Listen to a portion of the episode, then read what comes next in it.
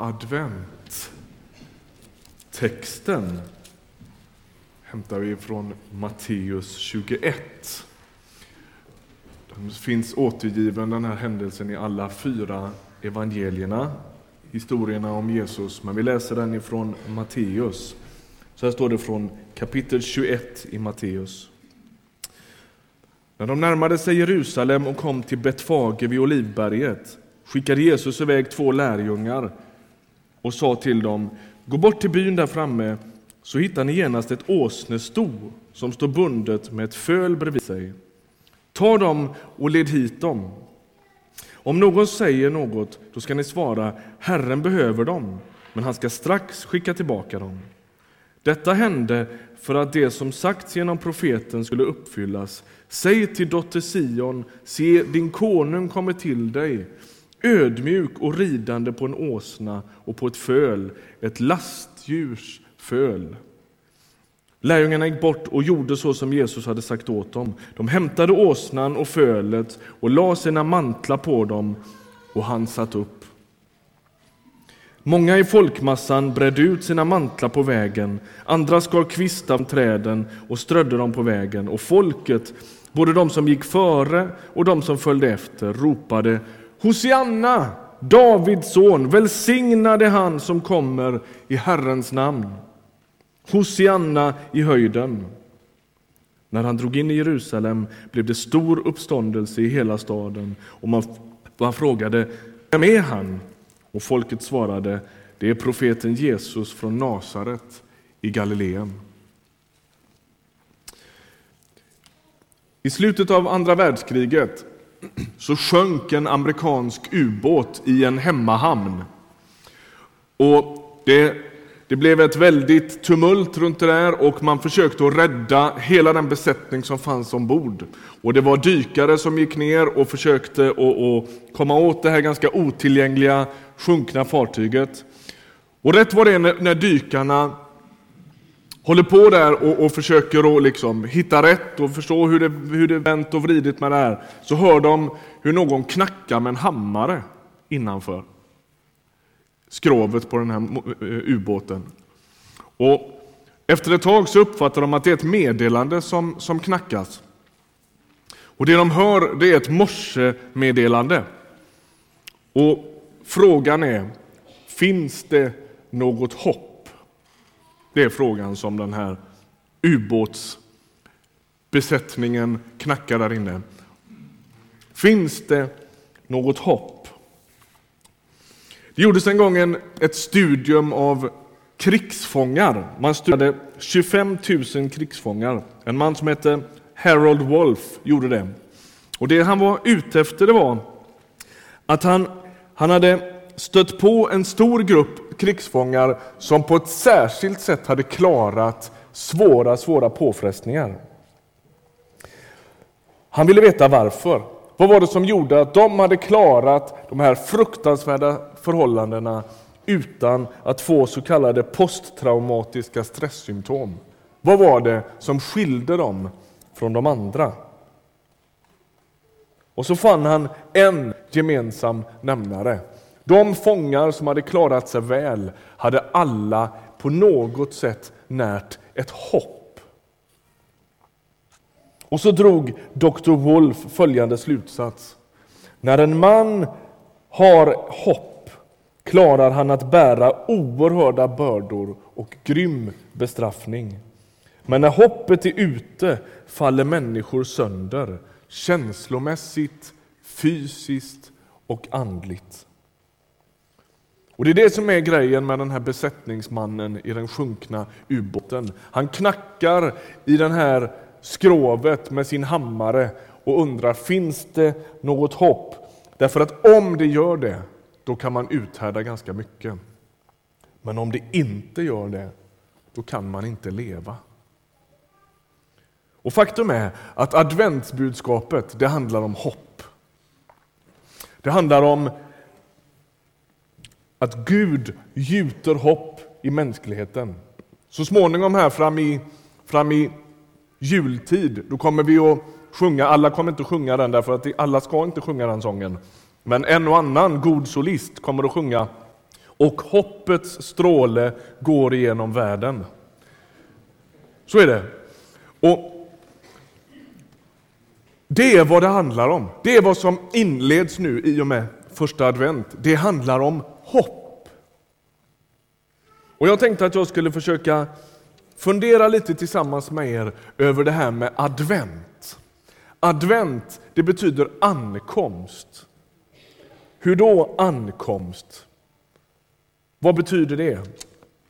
Jo, för det första så betyder det att det som händer på Bibelns blad, det som händer när, när det här liksom försöker beskrivas för dig och mig, vad man har varit med om, det, det är ett faktum. Det är, det är historiska händelser.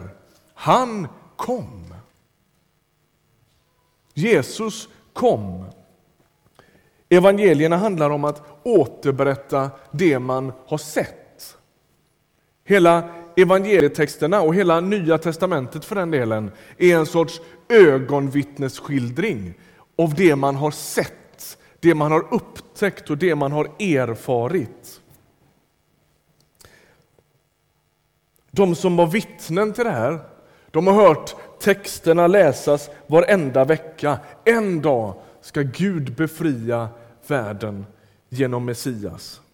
Och när Matteus, Lukas och de andra författarna berättar om de här ögonvittnesskildringarna, då är det inristat i världshistorien. Han kom. Han kom. De sjuka som hade legat vid vägkanten i årtionden. En man som hette Bartimeus som, som rätt vad det är hör Jesus, alltså ryktet går om att Jesus kommer, han är blind och han skriker Davids son förbarma dig över mig. Och i efterhand kan han säga, han kom. Han kom. Kvinnan som har kämpat med sin blodsjukdom i 12 år. Hon har besökt varenda läkare, varenda mirakelgörare, varenda klåpare som finns i desperation för att hon inte blir frisk. Hon kan... Han kom. Den fattiga änkan som bor i Nain och som inte har någonting annat att hoppas på än sin son som ska försörja henne. Den där sonen han dör och han ligger där död och hon kan säga i efterhand, han kom. Jesus kommer dit och uppväcker sonen från de döda. Den leprasjuke mannen som har drabbats extremt svårt, lepra eller, eller spetälska, som är en fruktansvärd sjukdom. Där man lider fysiskt, men man lider inte minst socialt av att bli fullständigt avskärmad ifrån omvärlden. Och Jesus han sträcker ut sin hand, rör vid den leprasjuke så att han blir frisk. Han kunde säga, han kom. Han gjorde det. Hela Nya testamentet är fullt av de här ögonvittnesskildringarna.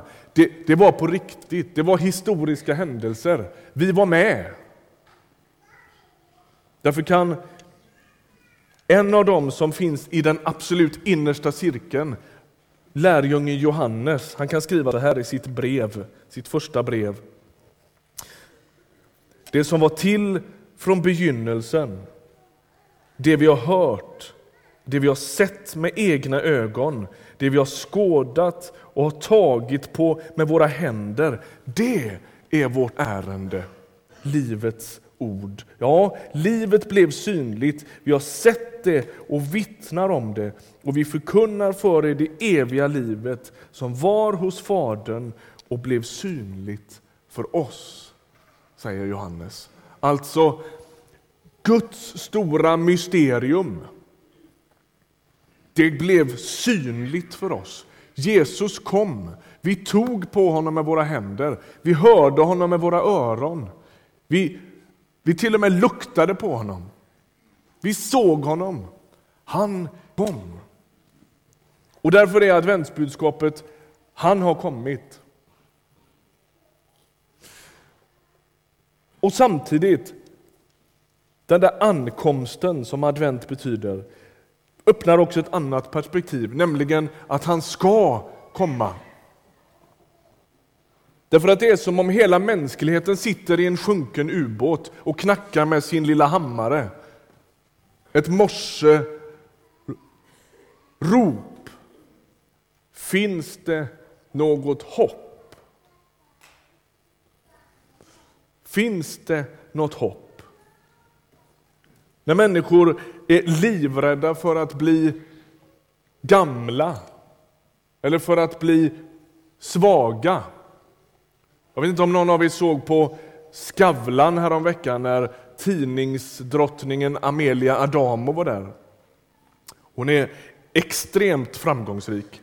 Hon eh, driver ett antal såna här glassiga månadsmagasin och vecko, veckotidningar och grejer.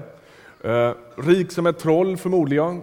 Hon har barn, hon har barnbarn och, och, och, hon lever ett otroligt rikt liv. Och så frågar Skavlan henne, vad är du rädd för? Är det något du är rädd för?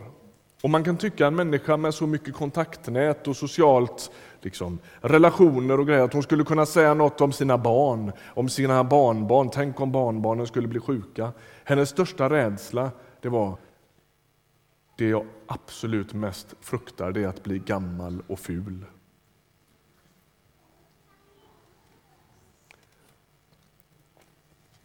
Därför att människan någonstans klamrar sig fast vid saker som är väldigt, väldigt flyktiga.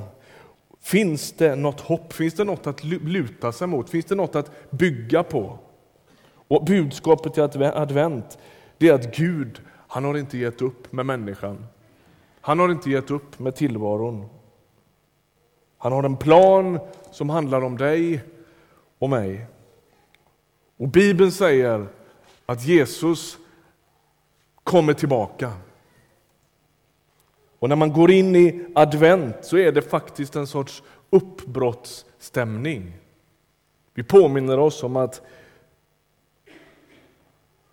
livet är inte bara det som syns. Det kanske är extra viktigt i juletid när vi tenderar att handla oss glada. Budskapet i advent är han kommer. Människans djupaste öde är inte att handla sig glad. Människans djupaste öde är att Jesus faktiskt kommer igen. Willy han citerade texten ifrån Sakarja innan. Den står ju i den här texten vi läser. Din konung kommer till dig ödmjuk och ridande på en åsna. Versen efter, där står det så här. Vi läste Ville läste innan, i ringhet kommer han ridande på en åsna, på en ung åsnehingst ifrån, ifrån Sakarja. Och sen står det, versen efter, jag ska förinta alla stridsvagnar i Efraim, alla hästar i Jerusalem. Krigets vapen ska förintas. Han ska förkunna fred för folken och hans välde ska nå från hav till hav, från floden till världens ände. Ofta får man frågan när man är kristen, om Gud nu är så rättvis, varför tar han inte itu med ondskan och krigen och svälten och djävulskapen i, i världen? Och faktum är att advent är en påminnelse om att han har inte gett upp med världen.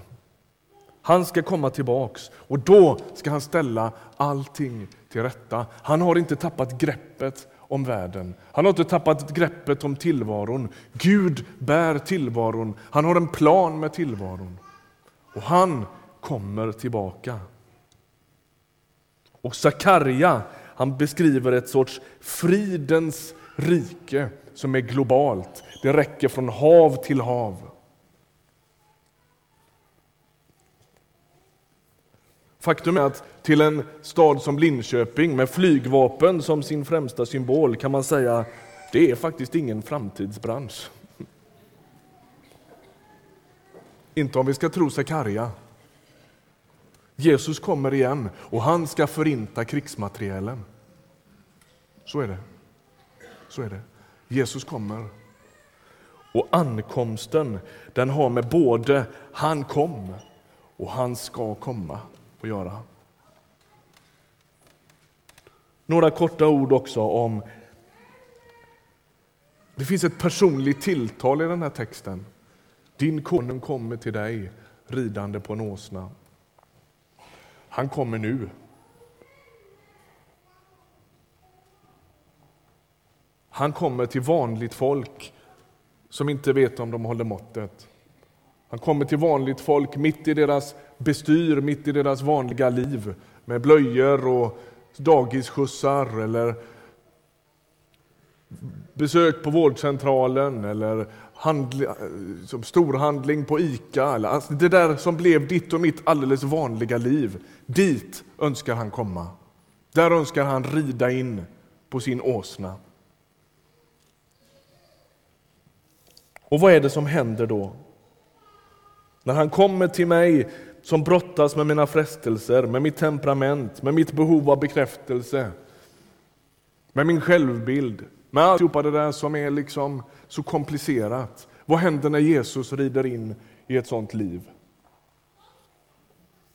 Alltså jag tror att det finns en sorts finns två sidor av det myntet. Det första som är väldigt tydligt är att han presenterar sig som fridens förste. Vi hörde det innan här. Han presenterar sig som fridens förste.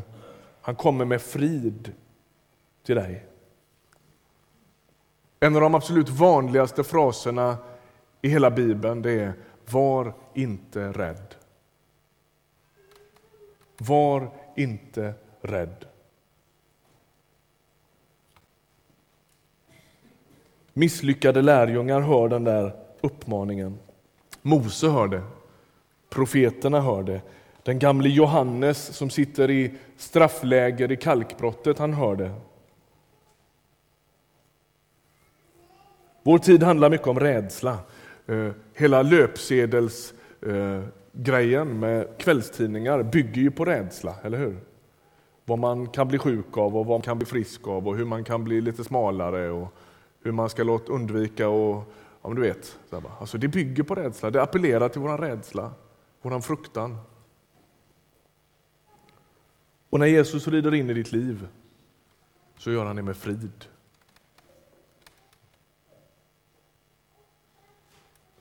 Jag önskar att, att det blev, alltså det är väldigt slitna uttryck, det är väldigt Liksom, du har kanske hört det en miljon gånger och min bön inför idag har varit att det där verkligen skulle få, skulle få att du skulle få erfara det. Du som kanske kommer hit idag och tänker att ja, det hör till att gå på, gå på gudstjänst på första advent. Det hör till att få höra de här klassiska sångerna. Ja, men visst, absolut. Men jag önskar att du också fick med dig ett möte med fridens första som stilla stormarna i ditt hjärta.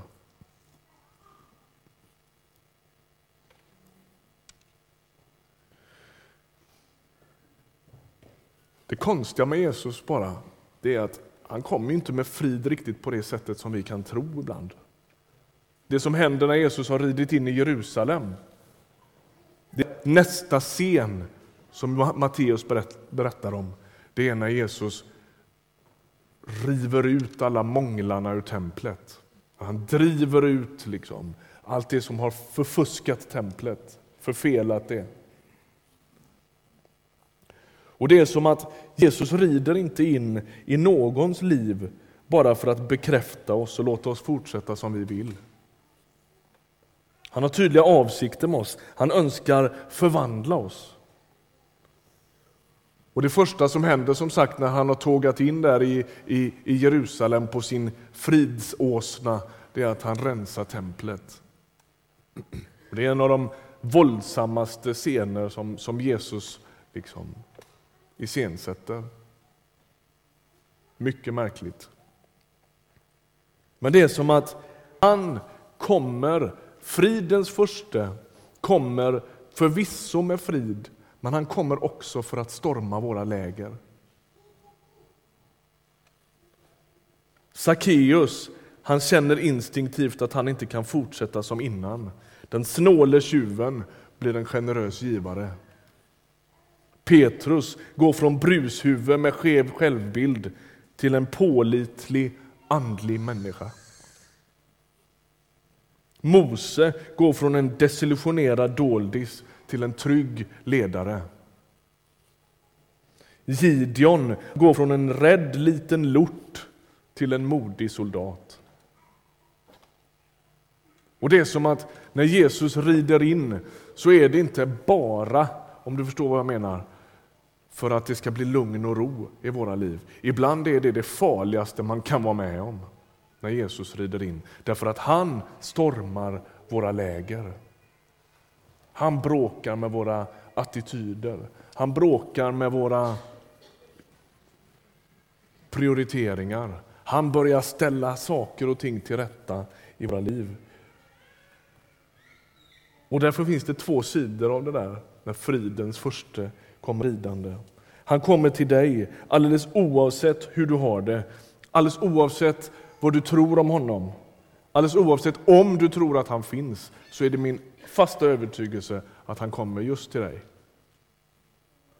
Han är personlig, han vet precis hur du har det, han vet vad du bär med dig, han vet vad det är som har gjort dig till den du är och han kommer till dig. Att bjuda in honom och säga välkommen Jesus, det är att öppna dörren för båda sidorna av hans ankomst. Den fridfulle fridsfursten som ställer allt till rätta men som kanske ibland faktiskt måste börja med att storma våra läger.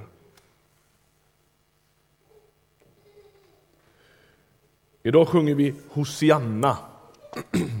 Hosianna, det kan vara bra att veta vad det betyder. Det är en sorts hyllningsfras som användes för att liksom hylla någon. Men framförallt den, djup, den djupaste betydelsen är hjälp. Hjälp mig. Det kanske är så att du är som de här männen i ubåten som sitter och knackar med din hammare och undrar, finns det något hopp? Finns det något hopp?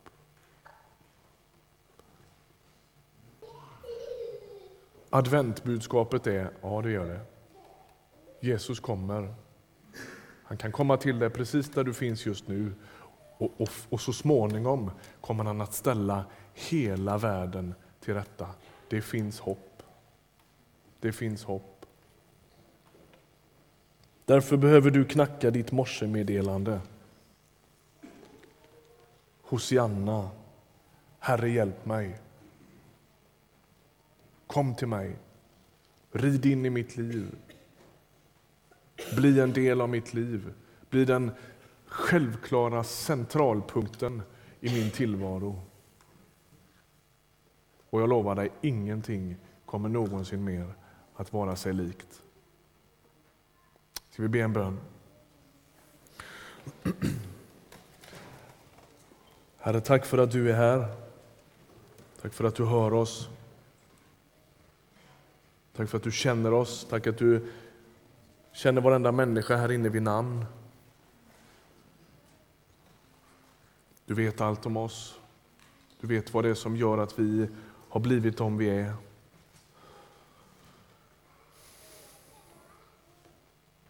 Herre, vi vill be om mod att öppna för dig. Du som är en så annorlunda kung. Kom och rör vid våra liv. Kom och lyft av våra bördor. Kom och ge frid där det behövs. Kom och möt oss med dig själv, Herre. Tack för att du gjuter hopp i världen. Tack att du gjuter hopp i våra egna liv, i våra relationer, i de sammanhang där vi finns. Tack att du inte har gett upp med tillvaron. Du har en plan. Herre, låt din vilja ske. Kom, Herre. Amen.